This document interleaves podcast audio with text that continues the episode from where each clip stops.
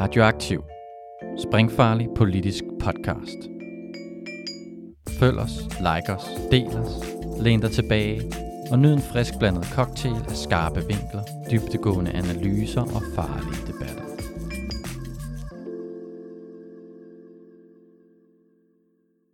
Velkommen til Sang om mere værdi, Radioaktivs økonomipodcast. Mit navn er Lasse Skov Lindsted, og jeg sidder i dag med min medvært Alex. Ja, jeg er Alex uh, Arassan Kalai. Og i dag skal vi snakke om den forliste kontanthjælpsaftale, som regeringen og det støttepartier og kristendemokraterne indgik før valget, altså den daværende regering. Øhm, og vi skal snakke om fattigdomsydelser og fattigdom.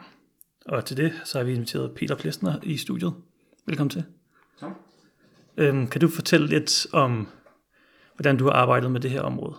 Jo, øh, ja, jeg hedder som sagt Peter Plesner, jeg er 30 år gammel. Øh, det, okay, det ved jeg ikke, om man faktisk sige, men det er måske nogle år siden, man introducerede sig med sin alder. Nå, anyway, jeg arbejder for Enhedslisten, har arbejdet der i, øh, hvad fanden, efterhånden to år. Øh, har øh, læst statskundskab på Københavns Universitet, blev færdig i 2018, så var lige to år i øh, Beskæftigelsesministeriet, hvor jeg arbejdede med øh, pensionsområdet, og sådan noget Arne-pensioner med til at lave den, den aftale. Øh, så jeg har lidt også i dag, når vi skal snakke om, om, øh, om kontanthjælpsområdet, øh, jeg har, det er ikke fordi, jeg har arbejdet med det sådan som embedsmand, men jeg har ligesom arbejdet med en anden ydelsestype, men hvor der også ligesom er mange, øh, øh, der er mange logikker på, hvordan at man så skruer ydelsessystemet sammen. Fra, fra, altså mange, systemet ser på mange måder på, på, på forskellige typer ydelser på ret meget samme måde. Øh, rigtig meget af det, vi jo også sikkert kommer til at snakke om senere, det her med øh, alle de her økonomiske incitamenter, øh, al den her, vi, vi kender den som i hvor høj grad kan det betale sig at arbejde i diskussionen og så videre. Så, så på den måde har jeg også arbejdet som, som embedsmand med, med det her område her. Og så bliver jeg så øh, ansat øh, i enhedslisten faktisk til at, øh, nå, det, kan vi også, det kan vi komme lidt mere ind i detaljer, men jeg bliver sådan set ansat til ligesom at hjælpe med at, at, at hvad kan vi sige, arbejde for enhedslisten i de her ydelsesforhandlinger, som skulle være oprindeligt i foråret 2021, øh, eller foråret sommeren, efter den her ydelseskommission kom, kom ud med sine anbefalinger til, hvordan man skulle lave ydelsessystemet om. Jeg blev ansat oprindeligt i to måneder, fordi vi tænkte, om så der, jeg, jeg, det passede i øvrigt godt i mine planer i livet og alt muligt, så jeg var ansat i to måneder til at starte med, altså i sådan en vikariat, og så fandt vi ud af, sådan, at vi skulle nok ned, altså de her, det, det trækker virkelig ud, så vi er nok ned, altså jeg tror arbejdspladsen tænkte måske, at vi er nok nødt til at fastansætte mig, og så, ja. så var jeg så, så nu er nu er jeg stadig, øhm, og aftalen er jo så forlist, kan man sige, vi fik den jo landet, og så, ja, nu er vi her. Ja, så det, det har været nogle, nogle forhandlinger, der har været længe undervejs, før det blev til noget. Absolut, absolut. Det var, øh, det var ligesom efter, øh, efter regeringen trådte, eller efter den daværende regering trådte til, øh, S-regeringen, og ligesom man fik skrevet det her, øh, det her forståelsespapir, som der var meget, var meget snak om at se, at ligesom, hvad kan det for medføre af, af, af forskellige sådan, øh, øh, forandringer for Danmark osv., så, så, så var det her, det her med at få en, øh, en eller anden stødpude indført, jeg vil ikke gå så vidt at kalde det for en løsning, men en eller anden stødpude ind i forhold til at gøre op med nogle af de, af de hvad skal vi sige, allermest fattigdomsskabende konsekvenser af Lars Lykkes øh, kontanthjælpsreform, altså kontanthjælpsloftet og 225 timers reglen. Øh, hvad hedder det? Øhm, det, det var ligesom det første, som S-regeringen, det var den første aftale, som S-regeringen indgik med sit parlamentariske grundlag, det her midlertidige børnetilskud, som så, aftalen var så, så indfører man så det her, det er så en kompensation øh, for de børnefamilier, der er blevet, der er blevet ramt af fattigdoms, øh, hvad hedder det, ydelserne, vi kommer også senere ind på, hvad det så er for en størrelse, de her fattigdomsydelser, men øh, første aftale, regeringen indgår, og det skulle så forlænges indtil et nyt ydelsessystem var trådt i kraft, øh, og det skulle så tage, ja, næsten tre år at få, øh, at få forhandlet en, øh, en aftale på plads, om hvordan man så skulle permanent, blandt andet så permanent gøre det her midlertidige børnetilskud. Jeg ved, jeg har ikke nok erfaring med sådan noget her til at vide, om det her det trækker, og har trukket mere tænder ud, om det har været et større tårtrækkeri end på så mange andre politikområder, men jeg kunne forestille mig det, fordi tre år for en aftale, der så ligesom handler om nogle af de fattigste mennesker i landets levevilkår, det er immer væk lang tid. Og det tog så også så lang tid, at aftalen så aldrig nåede at blive til noget, fordi der så blev udskrevet et valg, hvor Socialdemokratiet så gik til højrefløjen i stedet for. Så nu er vi her i dag. Ja, og jeg tænker, at vi kan egentlig starte sådan forbundet af og tage udgangspunkt i fattigdom. Fattigdom i Danmark. Hvad er det for en størrelse? Har vi fattigdom i Danmark? Der er nogen fra højrefløjen, der siger, at det findes overhovedet ikke. Hvordan vil du sige, at vi har, vi har fattigdom i Danmark? Altså, ja, man, man, plejer, man plejer at tale om, at der er forskellige øh, definitioner af fattigdom. Og jeg tror, når, når når dem, der siger, at der ikke findes fattigdom i Danmark, når deres, hvad kan vi sige, når de påstår det, så henviser de jo ofte til, at, at det her absolut fattigdom, det, at det findes ikke. Absolut fattigdom, det er det, man bruger i, i, altså i, i globale termer, hvor man snakker om for eksempel, hvor mange, hvor stor en andel af befolkningen lever for under det, der i dag er sådan to en kvart dollar om dagen. Den, er fattig, den øh, absolute fattigdomsgrænse blev udviklet en gang i 90'erne, og så har priserne så udviklet sig siden. Dengang sagde man, at man skulle være absolut fattig, hvis man havde for mindre end en dollar om dagen. Nu er det så, priserne er jo så steget siden, øh, så nu er det så 2, ja, 2,29 dollars om dagen. Og øh, hvis man har mindre end det, så er man absolut fattig. Og så siger dem, der så, dem, der så siger, at der ikke er fattigdom i Danmark, de plejer så ofte at henvise til, at det er der ikke nogen, det er der trods alt ikke nogen, der gør i Danmark. Folk har mere end de her rundt regnet 15-16 kroner om, om, øh, om dagen. Øh, derfor er der ikke fattigdom i Danmark. Det påstår folk. Det er jo en måde at se det på. En anden måde, man kan se det på, hvor man helt sikkert kan konstatere, at der er fattigdom i Danmark. Også ret udbredt. Der bor en cirka en kvart million mennesker i landet, der tjener mindre end halvdelen af, hvad øh, medianindkomsten er i samfundet. Og øh, medianindkomsten, det, det er det her, hvor at hvis man rangordner alle menneskers indkomst i samfundet, så, øh, så medianen, det er så, øh, hvad kan vi sige, personen, der ligger lige i midten af den rangordning, og så hvis man tjener mindre end halvdelen af det, så er man så øh, det, der hedder relativt fattig. Øh, det er så ikke det samme som absolut fattigdom, og i Danmark er den, altså i Danmark, hvis man kun lige akkurat er relativt fattig, så er man så har man en væsentlig højere levestandard, end hvis man er absolut fattig, altså ud fra den her klassiske FN-definition. Øhm, men stadig kan man sige, at grunden til, at man kan så sige, at der findes fattigdom i Danmark, det er jo så fordi, jamen, hvorfor er det et problem, at man ikke har det, som andre mennesker har? Det handler jo basalt set om, at man bliver hægtet af samfundsudviklingen, og man ligesom hægtes af øh, den velstand, som samfundet samlet set øh, skaber. Øh, højrefløjen vil jo så typisk sige, at samfundet skaber ikke noget velstand, det gør individer, og det, det, man skal ikke blande sig i, hvad andre mennesker tjener osv., men man kan sige, ret mange indiger, eller hvad skal vi sige, der findes ret tungt vejende argumenter for, at selvfølgelig er velstand, det er jo noget, der bliver skabt socialt. Vi kender altså alene det, alene det forhold inden for sådan selv den mest vulgære sådan borgerlige teori om, at produktion og velstand, det er sådan noget, der bliver skabt individuelt, men der skal jo alligevel være en stat til at håndhæve, øh, at, øh, at de her, at, at hvad kan vi sige, rigdomsskabelsen overhovedet finder sted. Øh, så det, det er der nogen, der er nødt til at betale skat. Så selv i den mest sådan snævre forstand, så er velstand jo noget, vi skaber sammen, og derfor så er relativ fattigdom og fordeling af den her velstand, det er noget, som der selvfølgelig er fuldstændig legitimt at drøfte, og derfor er det fuldstændig legitimt at påstå, at relativ fattigdom er noget, vi skal bekymre os om.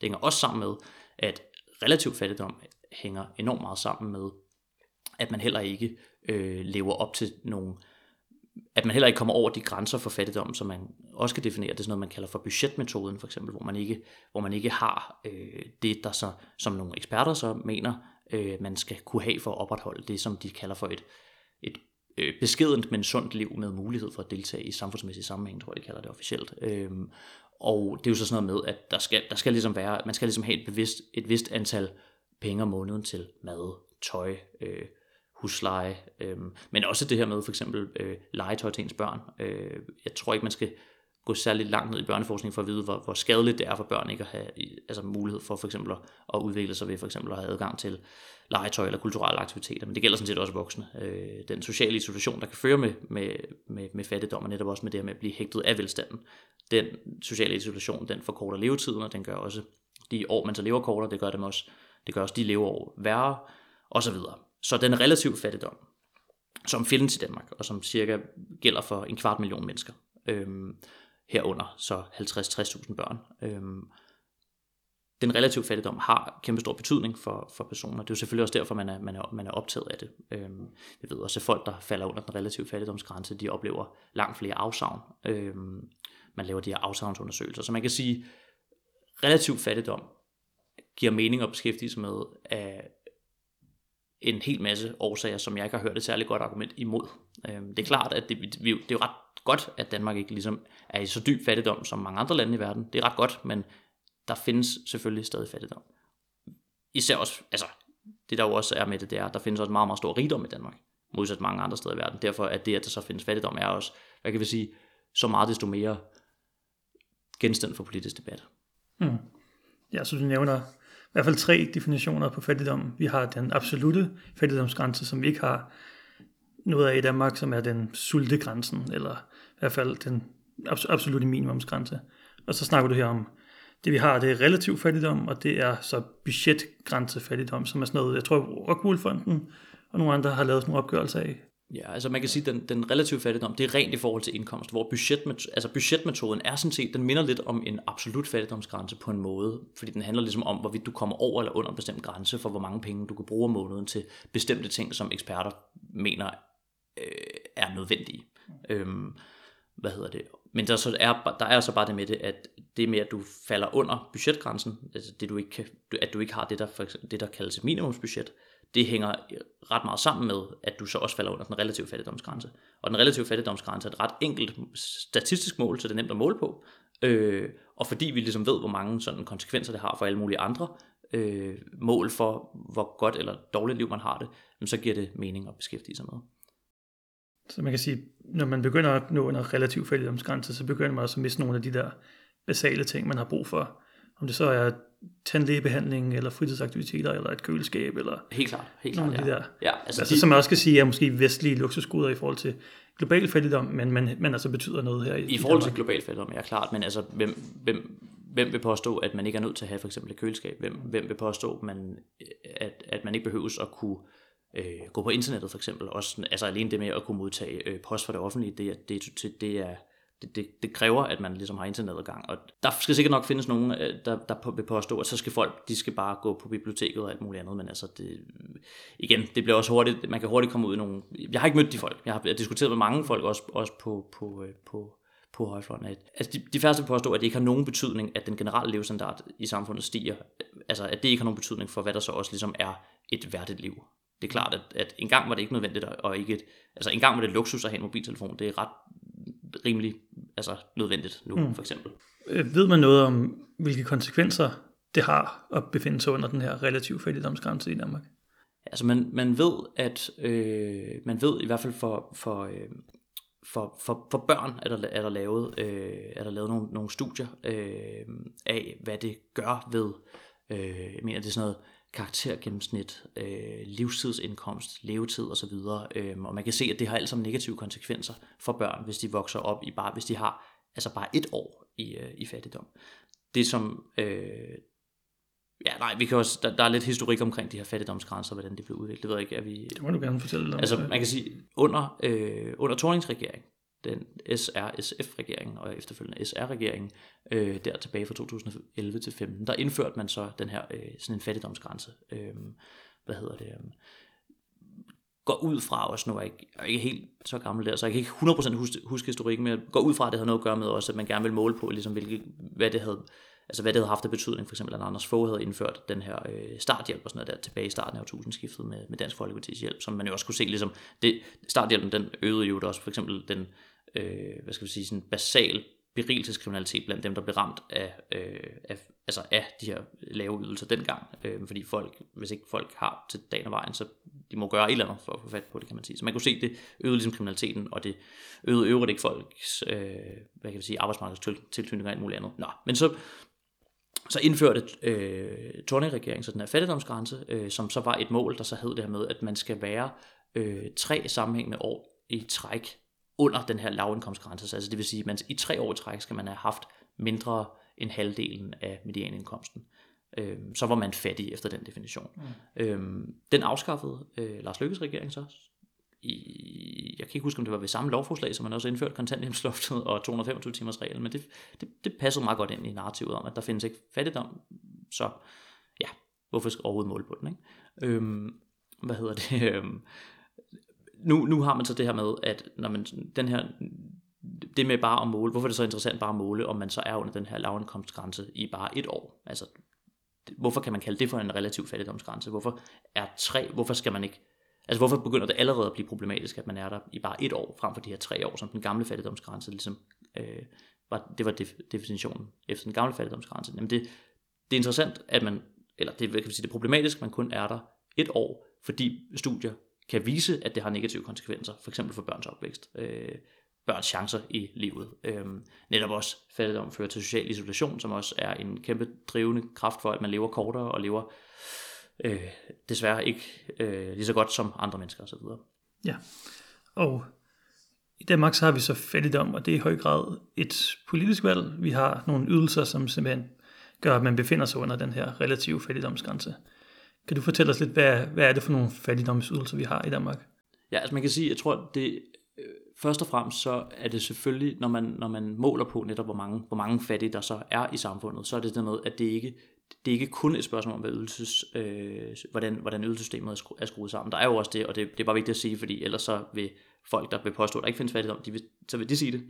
så det er vigtigt ligesom med også, at man kan godt være i, i den under den relative øh, hvad hedder det, fattigdomsgrænse, hvis der er for eksempel et år, lad os sige en, et år, man ikke har, noget, man ikke har nogen indkomst, øh, så vil man af, af, helt, af helt andre årsager. Altså, der skal sikkert sagtens være nogle velbjergede mennesker, der kan klare sig, der kan klare sig ved ikke at have nogen indkomst. Der er så også nogle, nogle formuekrav og alt muligt andet, men der skal sikkert nok, der skal, man skal sikkert nok kunne finde eksempler på folk, der falder under den her grænse her, som er statistisk set relativt fattige, og som som det statistisk set hænger sammen med, at de har et dårligt liv, men, men ikke nødvendigvis. Og det vil kritikerne så sige, at derfor kan man ikke bruge definitionen til noget. Det er bare lige vigtigt at få understreget, at for, for rigtig mange mennesker, der har det her rigtig, rigtige konsekvenser.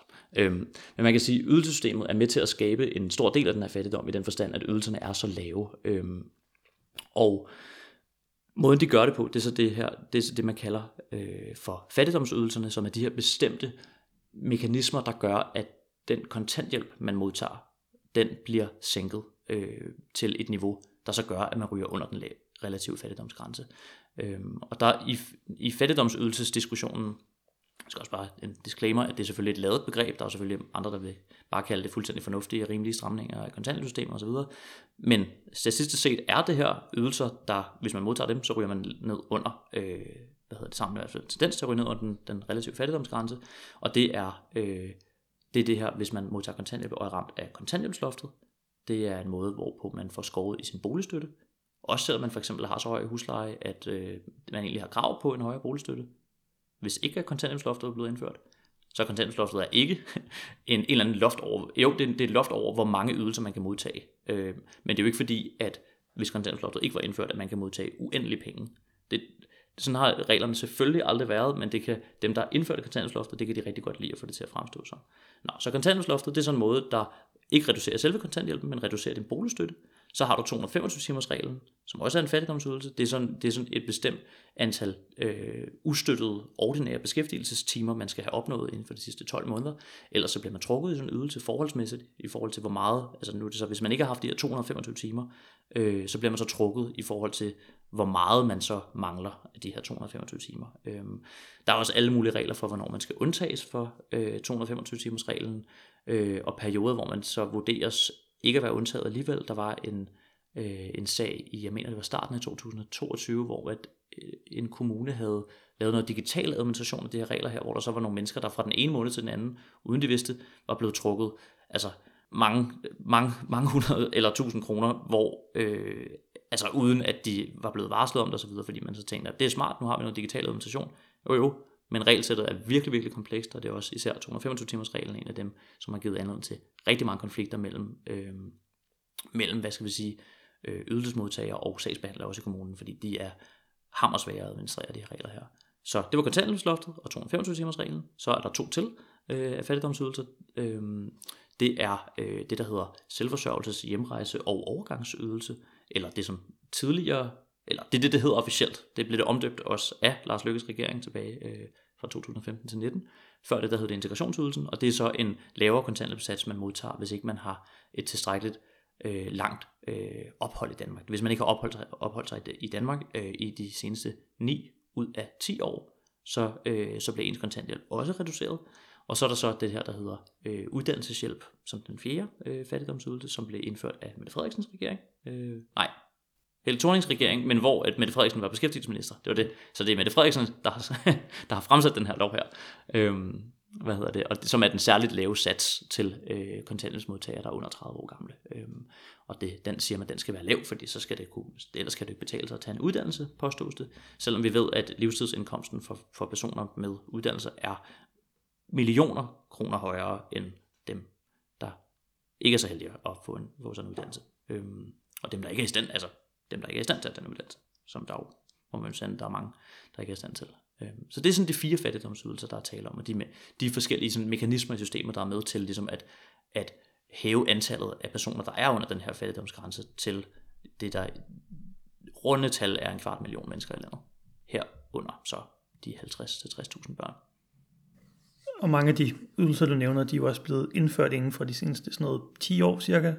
Ja, altså øh, det er jo det der med, det er jo, det er jo gået, det er jo virkelig et område, der har undergået meget, altså meget frem og tilbage, meget trådtrækkeri. Altså Anders Foghs regering indfører starthjælpen. Øh, jeg skal indrømme, jeg kan ikke huske, hvordan det var før. Øh, men Anders Foghs regering indfører starthjælpen, som til trods dets venlige navn, er en, også en reduktion i kontanthjælpssatsen. Øh, det har så alle mulige konsekvenser, øh, rigtig mange negative konsekvenser. Der er, det er ikke bare noget, jeg siger, der er masser af evalueringer, man kan læse om det i øh, regeringens øh, ydelseskommissionsrapport, den her 300 sider lange, ret interessante, men også super tunge øh, rapport om ydelsessystemet. Øh, men Anders Fogh indførte så øh, øh, starthjælpen. Øh, Helle Thornings regering i 2011 afskaffede de her stramninger af ydelsessystemet relativt hurtigt, og jamen, folk, jeg har snakket med, der er historik nok til at huske det, de sagde, at mm, hun afskaffede det, eller hendes regering afskaffede det nærmest uden at blinke, altså fordi det, det var man store modstander af, netop også fordi man kunne se, hvor meget, hvor meget fattigdom og, øh, og afledte negative konsekvenser af fattigdom, som det medførte. Øh, hvad hedder det? Så man afskaffer det, øh, starthjælpen her, så, indfø, så bliver Helle Thornings regering så afsat i 15. Lars Lykkes regering indfører så som noget af det første, det her kontanthjælpsloft. Øh, og så kommer Mette Frederiksens regering til og så indfører det her midlertidige børnetilskud, som så er en kompensation for dem, der er blevet ramt af kontanthjælpsloftet. Så det, det har ændret sig utrolig meget, øh, og systemet er overdrevet indviklet. Øh, og så er der også sidenhen, nu, det her det er jo ydelsesniveauet, der er jo også en hel masse sanktioner øh, og en hel masse stramninger, der er blevet lagt på i forhold til, hvad det konkret indebærer, det her, med, at man skal stå til rådighed for arbejdsmarkedet, for eksempel nyttejob, øh, som også Mette Frederiksen øh, indførte, som gør, at hvad er det en populær fortælling, at folk skal stå og plukke pileurt ude på Amagerfældet til hvad, 50-60 kroner i timen eller sådan noget. Mm. Så hårdt fysisk arbejde til en altså, løn, løn som ungarbejder i et supermarked får. Kan du sige lidt om, hvorfor, hvad var, altså, hvad var oprindeligt begrundelsen for, at man indførte alle de her fattigdomsydelser?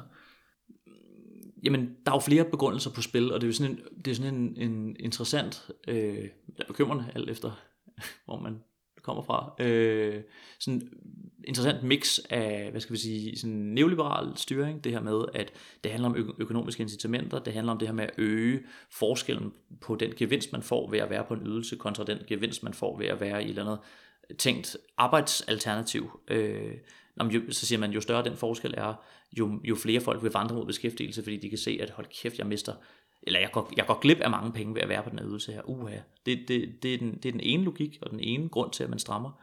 Øh, man strammer, hvad hedder det, både, både ydelsesniveauet, at man sænker det, men man, også at man strammer kravene for at overhovedet få ret til at modtage ydelsen. Øh, og så er der den anden, den her lidt mere, jamen i virkeligheden er den lidt mere, øh, den er lidt mere moraliserende. Den handler egentlig ikke så meget om, øh, så den er måske, jeg ved ikke, om man skal kalde den konservativ, eller man skal kalde den sådan, der er nogen, der også har kaldt den sådan lidt sådan stakkel, stakkelhadsk øh, idé om, at det skal sgu ikke være for nemt at være på en offentlig ydelse. Det, øh, og underforstået, det er det i dag. Øh, og, og, og de to logikker der, de, de fører jo ofte til de samme typer resultater, øh, men de kommer også måske, jeg tror i hvert fald, hvis man taler med folk, så kommer de også lidt, motivationen for de to logikker i, hvorfor det er, man skal stramme kontantsystemet.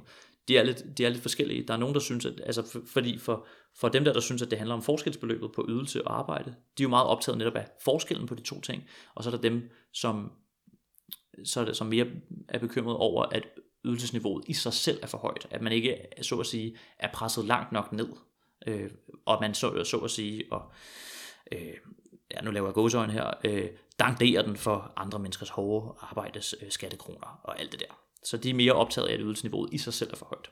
Mm.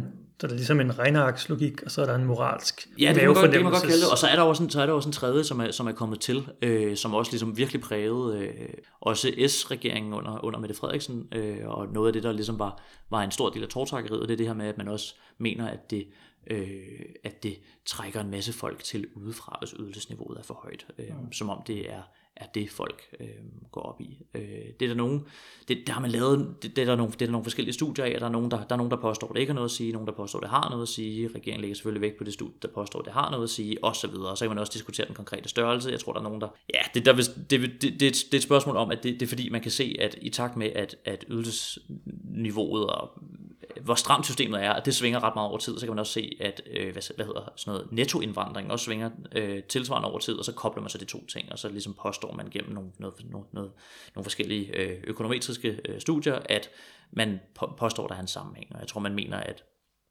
ja, man, man, mener, man mener, at det at lempe øh, ydelsessystemet, det, øh, det, det fører til en øget nettoindvandring med et, med et par tusind mennesker. Jeg tror, det er sådan noget 5.000 mennesker, man påstår, at, at, det, at det cirka vil gøre, at hvis man afskaffede øh, alle lykkes fattigdomsydelser, kontra at lykkes fattigdomsydelser så i princippet reducerede nettoindvandring med cirka 5.000 personer, og det er jo ud af et land på næsten 6 millioner, det er jo, er jo ikke mange mennesker, men det kommer ind på, hvordan man ser på det. Øh, så der er, også en, der er helt klart også en, måske en, øhm, øh, der er den stakkelhedske logik, og så er der også den fremmedhedske logik øh, i det. Det vil folk selvfølgelig ikke selv sige. Der er ikke nogen, der har lyst til at indrømme de fremmedheder, eller det kender ikke så ja, det, det skal nok være, men, men øh, du ved, de fleste vil mere sige, ah, men det handler om at passe på Danmark og alt det der. Så der er ligesom tre, der, der er ligesom tre hvilket jo er noget bullshit efter min mening, men ja. Nå, så der er ligesom tre logikker øh, i det. Ja. Jeg tænker, om vi kan zoome lidt ind på regnearkslogikken. Mm. Øh, der snakker man jo ofte om, at, at lavere ydelser giver mere arbejdsudbud. Ja. Hvorfor er det, man tror det? Skal vi ikke også lige arbejdsudbud, hvad det er, det betyder? Jo, ja. det er en rigtig god idé, for det kan hurtigt Det er hurtigt misforstået. Ja, ja. Øh, jamen, jamen udbud. det er jo det her med, at man forestiller den konkrete, markeds, altså den konkrete markedsplads, øh, hvor man simpelthen går ud øh, og siger, hør mig, øh, jeg kunne godt tænke mig at arbejde for øh, og vi forestiller sådan en rigtig middelalder arbejdsplads, så jeg kunne godt tænke mig at arbejde for øh, to øh, rigsdaler eller whatever. Så, så jo, men, men der er ikke, det er der ikke nogen, der gider at høre dig til. Øh, så, så, så kommer der flere mennesker ind på markedspladsen og siger, jeg vil gerne gøre det for halvanden rigsdaler, eller en rigsdaler, eller whatever. Og så ligesom, ideen er, at når man, når man så, når man så øger arbejdsudbuddet, så, så øges konkurrencen mellem dem, så udbuddet der ud, af arbejdskraft. Udbuddet af, altså mennesker, der går ned og, tilbyder, og udbyder deres egen arbejdskraft på markedspladsen, så tænker dem, der køber arbejdskraften, det vil så så middelalderen så et dårligt eksempel, men altså en, en moderne sådan en kapitalist vil så sige, øh, der er sgu forretning i at gøre det for en rigsdaler, du, du er ansat, og det tvinger jo så alle dem, der, der påstod, øh, eller der ville gøre det for to, det, det påstår så dem, øh, eller det, hvad hedder det, det tvinger så dem til ligesom at, at, at sænke den øh, Øh, den løn, de udbyder deres arbejdskraft til. Men så det der med udbud af arbejdskraft, det er, at der er en, der udbyder sin arbejdskraft, men der skal jo to til tango, det er ikke en rigtig arbejdsplads. Øh, modellerne siger så, at det er det samme, fordi man siger så, nå jo, men, men man udbyder sig, og man udbyder sig ned til et vist niveau, og der vil altid, hvis bare man udbyder sig til et lavt nok niveau, så vil der altid være en, der gider ansætte en, og det er så derfor, man påstår, at, at arbejdskraftsudbud også leder til rigtigt arbejde, altså rigtige arbejdspladser, hvor der bliver ydet et rigtigt stykke arbejde. øhm, grunden til, at man gør det, er så, at man siger, at den, den mekanisme, den går jo igennem, ifølge de her modeller, den går jo igennem, at der sker det her nedadgående pres på lønnen, ved at der så, der er simpelthen flere mennesker, der, altså måske gå til lidt mere moderne eksempel, der er flere mennesker, der ligesom i arbejdsløshedskøen, der er flere mennesker, der søger arbejdet, flere mennesker, der, der, der gerne øh, er, altså er, er nødt til at acceptere, at, at lønnen, den, øh, fordi der er flere, så, så, så kan hver enkelt blive nødt til at acceptere, at lønnen den bliver lavere. Øhm, så siger modellerne så, for det er også vigtigt at få med, modellerne siger så, når, når man så siger, okay, det har jo så en løntrykkende mekanisme, det her med, at arbejdsudbuddet stiger, fordi at alternativet til at være i arbejde, det bliver forværret. Det vil sige, hvis ydelsessystemet bliver, bliver forringet, så bliver det mere nederen ikke at have et arbejde. Derfor er folk også villige til at udbyde deres arbejdskraft til en lavere pris, end hvad før var tilfældet. Øhm, det, det, det presser så lønnen ned, siger man så. Så arbejdsudbud, et større arbejdsudbud, det sænker lønnen. Så siger det så, nej nej, så stiger lønnen igen, fordi så, øh, så bliver dansk øh, eksport mere konkurrencedygtig over for udlandet, fordi nu kan man ansætte øh, folk billigere til at øh, producere de samme produkter, der skal øh, eksporteres, så, øh, kommer der, så kommer der mere så at sige, valuta øh, ind, i, øh, ind i Danmark, eller der kommer en større sådan ophobning af overskud i Danmark, og så tænker kapitalisterne, der så ophober det overskud, så tænker de, fedt, jamen det skal jo investeres, øh, og så opstår der en forøget øh, efterspørgsel efter at få de penge til at arbejde for kapitalisterne, så at sige. Og, øh, så efterspørgselen efter arbejdskraft, den stiger så igen. Og så er argumentet så, ifølge den her regnemodel, at så er vi tilbage ved udgangspunktet. Så har lavere ydelser ikke ført til lavere løn. Lavere ydelser har bare fået flere i arbejde til den løn, der var før, fordi, og det har I sikkert snakket med en masse andre radioprogrammer om, lønnen har noget at gøre med den marginale produktivitet at gøre. Og det, ja, det er noget, modellen siger, fordi så går den op, og selvom man sagtens skal se på tværs af landene, det har ikke noget med det at gøre, det har tværtimod noget at gøre med organiseringsgrad, og, og det her med, om fagbevægelsen overhovedet er i stand til at organisere sig til at få del i produktivitetsvæksten, og dermed også få del, altså få del i de, produktiv, i, de, i de lønstigninger, som højere produktivitet, produktivitet muliggør. Nå, så, så modellerne siger det her med, at flere fattige mennesker, det fører til løntrykkeri, som så fører til flere arbejdspladser. Men, men altså arbejdsudbud og arbejdspladser, ikke det samme. Der er også nogen, der kalder øh, arbejdsudbud for strukturel beskæftigelse. Fordi det er jo så, så siger man så, at det er jo så, øh, det er jo så, når alle de her økonomiske svingninger, alle de her midlertidige ting, hvor der er flere mennesker, der står ude på, ude på markedspladsen og siger, fuck, ansæt mig, jeg er desperat. Jamen, de er ligesom blevet ansat. Det er det strukturelle perspektiv, det her, det her edens have, hvor udbud og efterspørgsel har, har matchet hinanden til en, til en given løn, som er fuldstændig samklingende med den marginale produktivitet, og folk ligesom, alle er ansat, der er fuld beskæftigelse, og folk får 100% hvad de har fortjent. Ja, så logikken er noget med lavere ydelser, mere desperation, det presser lønnen ned, og så kommer der så en masse gode ting ud af det på, på Ja, ja præcis, og det er, sådan, det er sådan en positiv side af historien, for den er vigtig at have med nemlig, fordi at der er mange, der så siger det noget, der er mange, der går i, i clinch med det her med, at lave ydelser presser lønnen, fordi så siger de så, jo jo, men det, er jo, det ophober overskuddet, og så derfor så bliver folk igen ansat, altså så stiger lønnen en gang til, så det her, det her lønpres, det er bare midlertidigt, og det skal ikke tage af, det er bare midlertidig effekt. Men det er jo under forudsætning af, at verdensmarkedet, eller det vil sige eksportmarkedet, heller ikke øh, presser lønnen nedad, fordi hvis, hvis, hvis de også gør det, Måske navnlig, fordi de kan se, okay, der sker løntrykkeri i Danmark. Fuck, vi er også nødt til at trykke lønnen nedad. Den lader selv, så, altså, hvis vi forestiller os, at vi kommer tilbage til der Edens have tilstand, så er den tilstand jo også blevet forværret, fordi at udlandet også har presset deres løn ned, fordi udlandet måske også har lavet de samme nedskæringer. Vi ved jo, at neoliberalisme, eller den her ned, den lange nedskæringshistorie siden 80'erne, den er jo global, og i hvert fald også, i hvert fald, altså, hvis vi tænker i europæisk perspektiv, de her nedskæringer og stramninger af sociale ydelser er sket i mange forskellige europæiske lande, så presset er nedadgående. Øhm, så vi kommer ikke til, altså det er meget urealistisk at forestille sig, at vi kommer tilbage til samme sådan, samme øh, sådan, i, så at sige, ideelle niveau, som vi var før, at vi sænkede ydelserne. Selvom det er det, som altså, modellen og dem, der sidder og rådgiver øh, folk, der tror den her slags, det er det, som modellen siger til dem, at den gør. Altså det er sådan en negativ cirkel, hvor man, presser hinanden ned. Ja, det er jo så det, der sker i den virkelige verden, men det sker selvfølgelig ikke i den verden, som, som, som dem, der bestemmer over den her slags ting, mm. øh, de tror på. Så jeg tænker, jeg kan sige, øh, jeg gerne vil spørge, altså, hvor meget har, har de ret i det, de siger, Finansministeriet og regnmodellerne? Øh, er det her lavere ydelser, er det et godt middel til at få folk i arbejde, til, til at forbedre vores konkurrenceevne og alle de her ting? Det helt korte svar er nej, og, og grunden til det Øh, grund til det er nej. Øh, det kan man se på, jeg tror, da man, da man indførte, øh, hvis jeg husker helt rigtigt, så da man indførte kontanthjælpsloftet, øh, da lykkedes regeringen gjorde det, øh, så regner man også på, ligesom, når man får det her folk, får det her flere folk i beskæftigelse, at man strammer deres ydelser. Altså virker det rent faktisk ude i folks liv, at man siger, nu bliver det mere nederen at være på en ydelse, nu har du et større, en større tilskyndelse til at gå ned og søge dig et arbejde, som vi så leger, at du får. Øh, så kan man sige, okay, Øh, skete det så faktisk? Jamen, jeg tror, kontanthjælpsloftet, det vedrørte omkring 10.000 mennesker, og jeg mener, at beskæftigelsen, en evaluering viste, at det havde øget beskæftigelsen med, hvad var det, 450 mennesker. Øhm, det er jo ikke en historie om, at lavere ydelser for folk i arbejde. Det er en historie om, at lavere ydelser forværrer folks levegrundlag. Hvis man påstår, at det, her, det er en historie om, at det, at lave, at det er at lavere ydelser for folk i arbejde, så har man missed the point. Altså, øhm, det er jo jeg ved ikke, om man kalder det cherrypicking, eller en red herring, eller hvad man kalder det, det der skal aflede folks opmærksomhed fra det faktum, at lave ydelser gør det, som alle ved, de gør, det er at gøre folk fattigere. Der er så meget, meget få mennesker, der så rent faktisk kommer i arbejde. Resten bliver bare fattigere. Det er det vigtige, det er det vigtige at huske på. Så det er ikke fordi, det ikke er, så at sige, selv hvis man godtager den her måde, måde at måle på og alt muligt andet, så er det, så er det med, det er ikke så, altså, det er ikke så vigtigt, at, at når man rammer 10.000 mennesker, der er 450 mennesker, der kommer i arbejde. Hvad, så det vigtige det er at holde fokus på, hvad sker der med de resterende 9.500 mennesker Øh, eller 9550. Så det, det virker, det, empirisk set er der, ikke noget, er der ikke noget belæg for det, øh, at lavere ydelse skulle få folk i, i arbejde, men der er også en ret god sådan, hvad skal vi sige, en ret indlysende forklaring på det, det er jo, at rigtig mange af de mennesker, der i dag modtager ydelser, det gør de, fordi de ikke er i stand til at arbejde på de vilkår, som arbejdsmarkedet ligesom kræver af folk. Øh, det kan man se, historisk set, så svinger antallet af personer i kontanthjælpssystemet, det svinger i meget høj grad med de økonomiske konjunkturer. Det er jo selvfølgelig, fordi når der er opgang i økonomien, så kan, hvad skal vi sige, kapitalisterne, arbejdsgiverne, de kan se langt flere muligheder for, at øh, der, der, vi har simpelthen øget indtjeningsmuligheder. Vi kan ansætte nogle flere folk, som rent faktisk kan hjælpe os med at øh, producere nogle flere varer, eller sælge nogle flere produkter, åbne nogle flere butikker, hvad det nu kan være.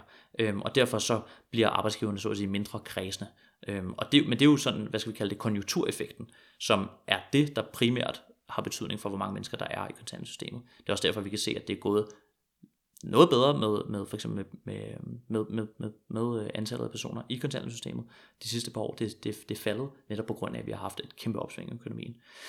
Og mennesker i kontanthjælpssystemet er måske desværre nogle af de sidste mennesker, der bliver hyret, og så må vi se nu, mange snakker om, at der kommer til at være økonomisk nedgang i 2023.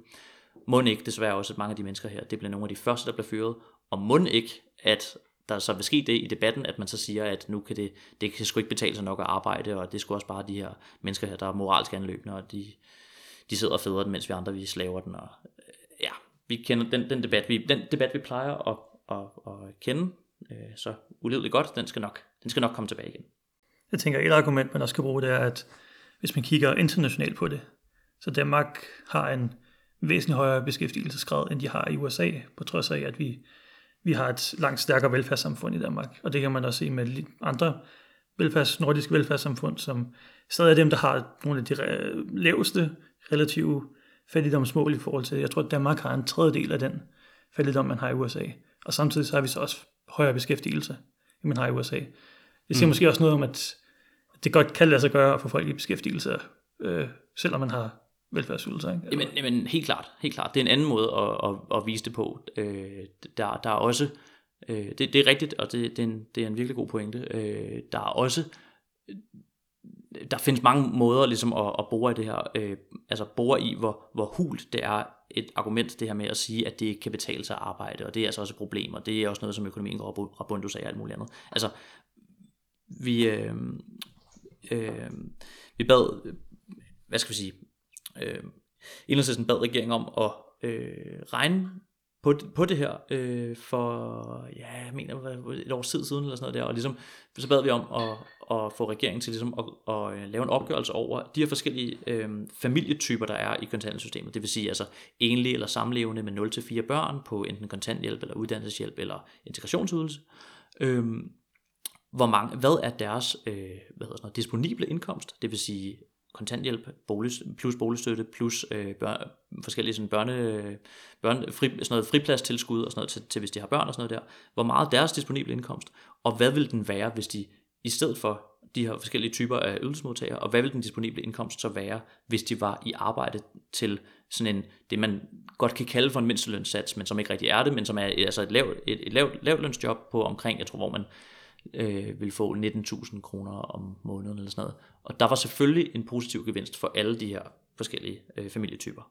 Så øh, der er ikke nogen dokumentation for, at det ikke kan betale sig arbejde. Det kan det, og det giver også meget god mening, at det kan det, eftersom netop, som du siger, Danmark det er et af de lande, hvor at vel, velfærden er, så at sige, relativt set mest, øh, hvad skal vi sige, generøs.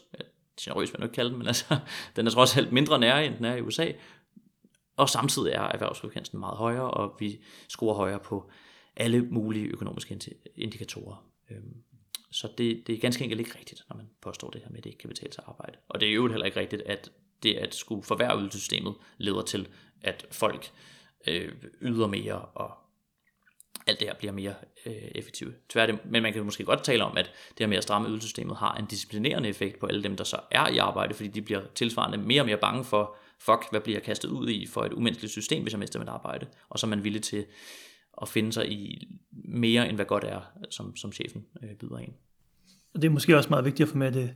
Det handler måske i sidste ende også om, om, om klassekamp den anden vej fra, at hvis man kan gøre lønmodtagerne mere usikre og mere bange for at ryge på ydelser, så, så kan man også, øh, altså, så er de også nemmere at disciplinere, de er nemmere at gå med til en lavere løn, eller dårlige arbejdsvilkår, eller hvad det nu skulle være. Helt sikkert. Altså det, det her med øh, den her idé om, at, at nu snakker vi lidt om det før, og det, jeg ved ikke, om det kan godt være, at diskussionen er fremmed for mange, men den der med, om lønnen skal følge øh, arbejdskraftens marginale produktivitet og sådan noget. Det er en af de grunde til, at det ikke er rigtigt. Det er jo selvfølgelig, fordi der står en stor arbejdsløshedskø ude foran fabrikken og banker på og er klar til at tage arbejde til en lavere løn, og det er det, der muliggør udbytning i første omgang. Så hvad skal vi sige, arbejdsløse øh, folk, der hvad kan vi sige, er totalt økonomisk fornedret og spiller en utrolig vigtig rolle i den kapitalistiske økonomi. Øh, de er ekstremt meget værd for kapitalisten, fordi at det er det, der muliggør det, at kapitalisten kan udbytte arbejderen i første omgang. Hvorfor fanden skulle man finde sig i at blive så hårdt presset på sit arbejde, hvis ikke det var fordi, at der var nogen, der var, altså hvis ikke det var fordi, man kunne blive, hvad kan jeg sige, fyret og, og, og stillingen genbesat af en, der var villig til at gøre det. Altså ikke var villig, men altså af sådan ren skruebrækker årsager, men altså var nødt til at gøre det, fordi personen ville potentielt dø af sult, hvis ikke de kunne gøre det selv. Og det er jo så derfor også, hvorfor at ordentlig velfærd og at det, at det sociale sikkerhedsnet er så fint masket som muligt, er så, hvad skal vi sige, lempeligt som muligt, og at ydelsesniveauet ligger så højt som overhovedet muligt, det, det er en fuldstændig afgørende del af, øh, hvad skal vi sige, klassekampen. Øhm, og det er bare vigtigt at huske, og det, jeg tror også, det, jeg tror også, det er, det, det er simpelthen så, så vigtigt også for, for folk, der gerne vil, vil kæmpe, hvad skal vi sige, arbejderklassens øh, side i klassekampen, at forstå, hvor meget øh, hvor mange fælles dagsordner der er mellem dem, der lige nu har et arbejde, og så dem, der ikke har et arbejde. Fordi at presser man, presser man den ene gruppe, så bliver den anden gruppe også presset over mænd. Ikke? Og der er et eksempel på altså klasseperspektivet, bare lige for at afslutte den her, mm. der vi kan også se, hvor, hvor meget øh, dansk erhverv og dansk industri altså, går, bliver meget, meget nervøs i det øjeblik, der er bare udsigt til noget mangel på arbejdskraft. Fordi at så har de ikke længere den her arbejdsløshedskø, der kan mm. disciplinere øh, alle lønkravene osv. Så, så, så jeg tror, ja, det er i hvert fald vigtigt at huske, øh, der, der er et klart klasseelement i det her. Jamen helt sikkert, helt sikkert. Det er også, altså, øh, det er rigtigt, at, at jeg synes, alle, alle dele af, hvad skal vi sige, venstrefløjen eller fagbevægelsen, er, er, og, altså, alle, der er optaget af at ligesom, hvad skal vi sige, kæmpe arbejderklassen, sidde i klassekampen, burde fokusere langt mere på det her. På det her. Øhm, og man kan sige, det, det nemmeste at sige som skal sige, venstrefløjsaktivist, det er, at alle andre bør lytte mere til den side, man sig selv er meget sådan interesseret i og, og optaget i og sådan noget. Men jeg mener virkelig, at, at, at det er ekstremt vigtigt. Øhm, jeg synes egentlig også, at, at folk, folk er klart ikke gode nok, men, men der er også, altså det, det synes jeg egentlig også, når jeg taler med folk, det er der også en ret udbredt forståelse for dog alligevel, eller hvad vi siger. Jeg synes ikke, at der, der, der er helt klart en, så, så jeg tænker også på, nogle gange, så, så ser nemlig også, at fagbevægelsen faktisk blander sig, og faktisk har en holdning til, øh, at kontanthjælpssystemet ikke må være for stramt, fordi man godt ved, at det er altså det, der også er med til at presse øh, mange af de medlemmer, som øh, fagbevægelsen i første omgang eksisterer for at øh, varetage deres, deres interesser. Øh, men det er klart, at man kunne godt gøre noget mere. Øh, selvfølgelig kunne man det, og det Ja, altså det, bliver også, det, ja, nå, det kan vi også snakke om. Øh, jeg ved ikke, om, om vi også vil høre lidt om fremtiden i alt det her og sådan noget, og hvor meget tid vi har og alt sådan noget. Ja, jeg tænker, vi kunne, vi kunne gå videre til, til den her kontanthjælpsaftale, der så blev vedtaget, som var længe undervejs, så vidt jeg kunne forstå. Længe undervejs, ja. Øhm, sommeren 2019, så øh, indfører man det her midlertidige børnetilskud som en kompensation for folk, der i en eller anden grad blev ramt af øh, Lars Lykkes øh, hvad hedder det, fattigdomsydelser. Øh, så øh, aftaler man så også, at øh, der skal laves en ydelseskommission, som, er, som skal kigge på, hvordan det er, man kan øh, hvad skal vi sige, lave kontanthjælpssystemet om på en måde, så det lever op til nogle bestemte hensyn. Og det er jo så, det er jo så øh, Socialdemokratiet, der øh, havde øh, indflydelse på, hvordan at, hvad skal vi sige, ydelse, ydelseskommissionens kommissorium, det vil sige dens arbejdsbeskrivelse, hvordan den arbejdsbeskrivelse skulle udformes. Og det var blandt andet det her med, at, øh, at den måtte ikke lave anbefalinger, der kostede penge for samfundet. Øhm, og så skulle den også tage hensyn til sådan noget med netop de der, altså de, vi var også lidt inde på det før, de der ting med, at åh, man skal ikke kunne modtage ydelser i det, de kalder for ubegrænset omfang, og det skulle ikke være med til at øge øh, nettoindvandring og bla bla bla. Alle mulige, alle mulige hensyn, som, som øh, enhedslisten øh, og nu skal jeg ikke svare for SF Radikale så Alternativets vejen, men jeg kan også godt forestille mig, at de, de var heller ikke helt tilfredse med, med, med mange af de hensyn, øh, som Socialdemokratiet ligesom havde beordret den her kommission til at, til at tage i, i udformningen af dens anbefalinger. De anbefalinger, de kommer så ud, øh, de kommer så ud i foråret 2021, øh, og anbefaler så basalt set, at måden man laver et mere, øh, hvad skal vi sige, efter Socialdemokratiets opfattelse, øh, færre kontanthjælpssystem, det er ved at tage nogle penge fra øh, unge udsatte øh, på kontanthjælp og overføre dem til nogle børnefamilier. Så det man, gør, det man gjorde, var egentlig bare at hvad skal vi sige, permanent gøre det her midlertidige børnetilskud, men betale med, at unge mennesker, så altså øh, det, der hedder aktivitetsparate kontanthjælpsmodtagere, øh, under, øh, ja, under 30 skulle have øh, fjernet det, der så hedder deres aktivitetstillæg, som for nogen kunne være op til 4.000 kroner om måneden, som det så ville gå ned. Og konkret var det sådan noget med, at så ville man lave, så ville man lave to satser, der hedder en grundsats og en forhøjet sats. Og, altså den forhøjet sats er lav, og grundsatsen er sådan fuldstændig ekstremt lav. Øhm, så lav, at de faktisk var nødt til at sige, okay, hvis man er enlig, er man nødt til at få et tilskud på 1.000 kroner, fordi selv, altså, øh, at man kan ikke klare den for det, de, det, de havde, det, de, det, de lagde op til, hvis ikke de havde indført sådan et, eller hvis ikke, hvis ikke også de havde syntes, at der skulle være det her tilskud på, på 1000 kroner til, til enlige. Øhm, fordi det er så meget dyrere at være egentlig end at bo, øh, bo i et par. Øh, det var så det, som, som, som så, siger, så siger regeringen så, den socialdemokratiske regering, kom, kom, øh, kom og forhandle. Øh, det her det er jo udgangspunktet. Vi, vi forhandler med udgangspunkt i de her anbefalinger her. Øh, nu laver vi sgu systemet om, og, og alt bliver godt. Der findes den her meget inde på midten af dansk politik, eller hvad skal vi sige, den, øh, den ikke helt så højre, højre fløj måske, øh, hvad vi nu skal kalde regeringen, øh, derinde et sted, der findes der sådan en idé om, at det er godt at skabe det, de kalder ro om kontanthjælpssystemet. Øhm, og det synes, det var de meget sådan, det, det kan vi gøre nu, fordi nu har vi fået et godt enkelt system, og vi håber på at kunne lave en, øh, eller en bred aftale, og, og, øh, og øh, hvad skal vi sige, øh, lave gentænke systemet, for det er simpelthen blevet for komplekst. Øh, så nu, nu gentænker vi systemet, og det er meget mere fair, at det er sådan her, fordi jo, Socialdemokratiet, børnenes statsminister Mette Frederiksen her, kunne godt se, at jo, selvfølgelig er der problem med børnefattigdom og alt muligt andet, og det har hun tid efterfølgende sagt, at det, det har hun aldrig gået til valg på at gøre noget ved børnefattigdom og sådan noget, men det, øh, det, det havde hun rigtig meget. Øh, hvad det? Også fordi at børnefattigdom var stedet helt vildt under Lykkes regering. Så det var ligesom, de havde trods alt et hensyn, der hed, at Nå, vi skal gøre et eller andet ved børnefattigdom. Måden, måden de så betalte for det på, det var så ved at øge fattigdom blandt unge mennesker i stedet for. Øhm, unge mennesker, der jo heller ikke har det skide nemt. Det har man ikke, når man er det, der hedder aktivitetsparat kontanthjælpsmodtager i øvrigt. Øhm, selvom det lyder rigtig flot. Hvad hedder det? Øhm, at være aktivitetsparat. Nå, anyway, det var så det, der ligesom var afsættet for de her forhandlinger her. Det, øh, det var det parlamentariske grundlag for den socialdemokratiske regering ikke tilfreds med, og derfor så stod tårtrækkeriet så på i et års tid. Øh, indtil i sommeren 2022, så lander der så en aftale, der ikke laver systemet om efter ydelseskommissionens anbefalinger, men bruger nogle af de, de anbefalinger, de trods alt, trods alt havde fundet på, der ikke var sådan der ikke var sådan helt skøre. Øh, noget med nogle modregningsregler, der man forbedrede, hvis man havde en lille bitte smule arbejde ved siden af sin kontanthjælp og sådan noget, så som blev lidt, lidt mindre hovedløse øh, og sådan noget der. Så lidt af det, man tog for ydelseskommissionens øh, øh, anbefalingsrapport, øh, og så, gen, så indførte man også nogle forbedringer, øh, som var sådan noget med ret til gratis medicin for kontanthjælpsmodtagere, der har været i systemet i mindst et år. Øh, man permanent gjorde det her, det her børnetilskud, sådan så at børnefamilier fik en øh, højere øh, ydelse at, øh, at øh, leve for, øhm, og øhm, man øh, også nogle, nogle, forskellige, nogle forskellige andre ting, man, man, man aftalte også, at man skulle indføre det, der hedder en afklaringsret, sådan så folk øh, ikke er i kontanthjælpssystemet i for mange år, men sådan at hvis man har været i systemet i, jeg tror det var to år, så skulle man så havde man ret til ligesom at blive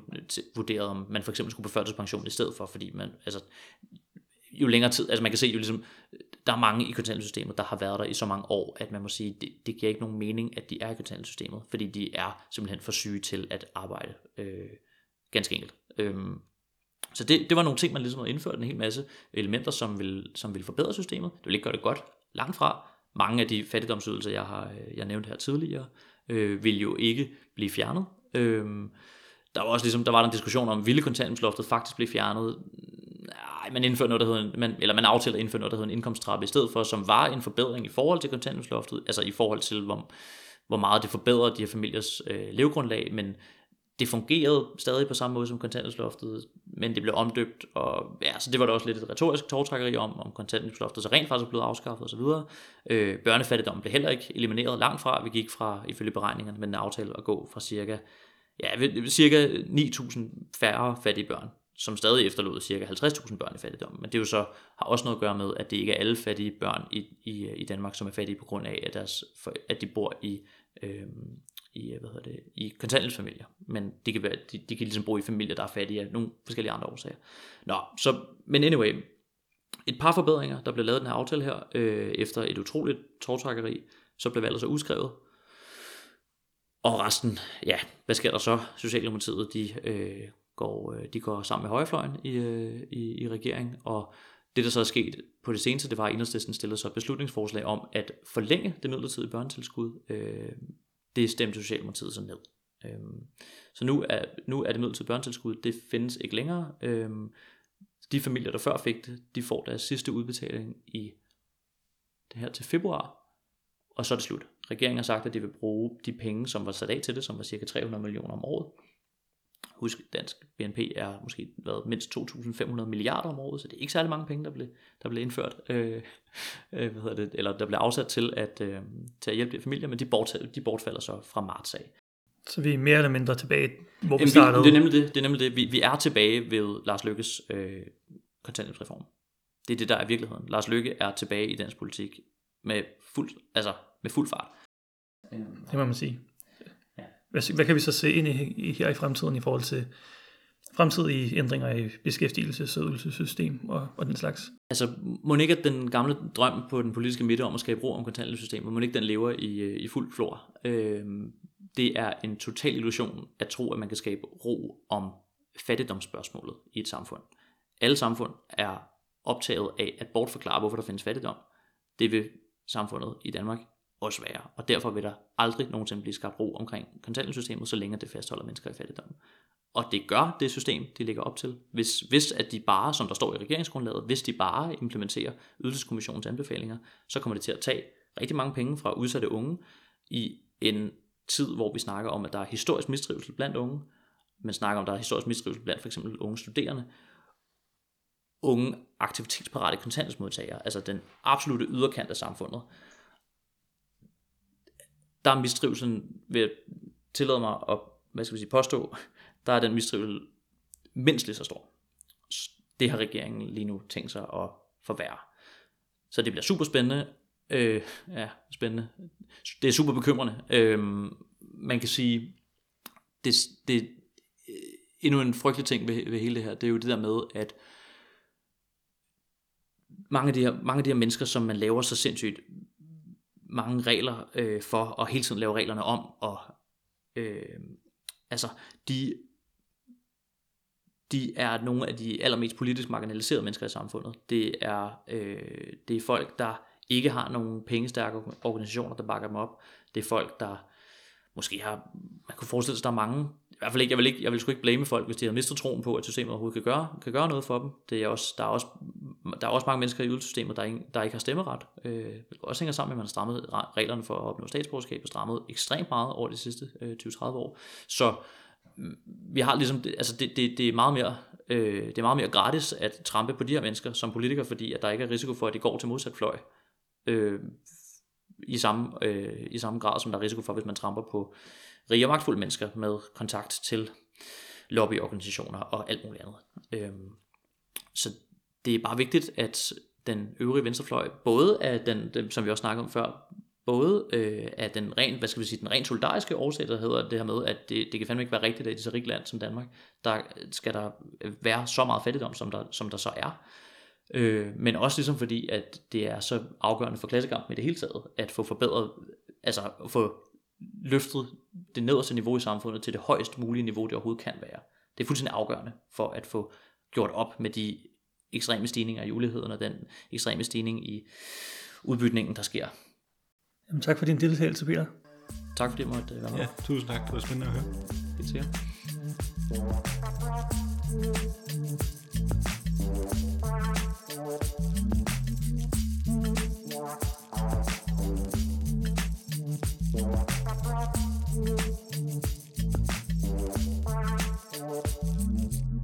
Oh ja.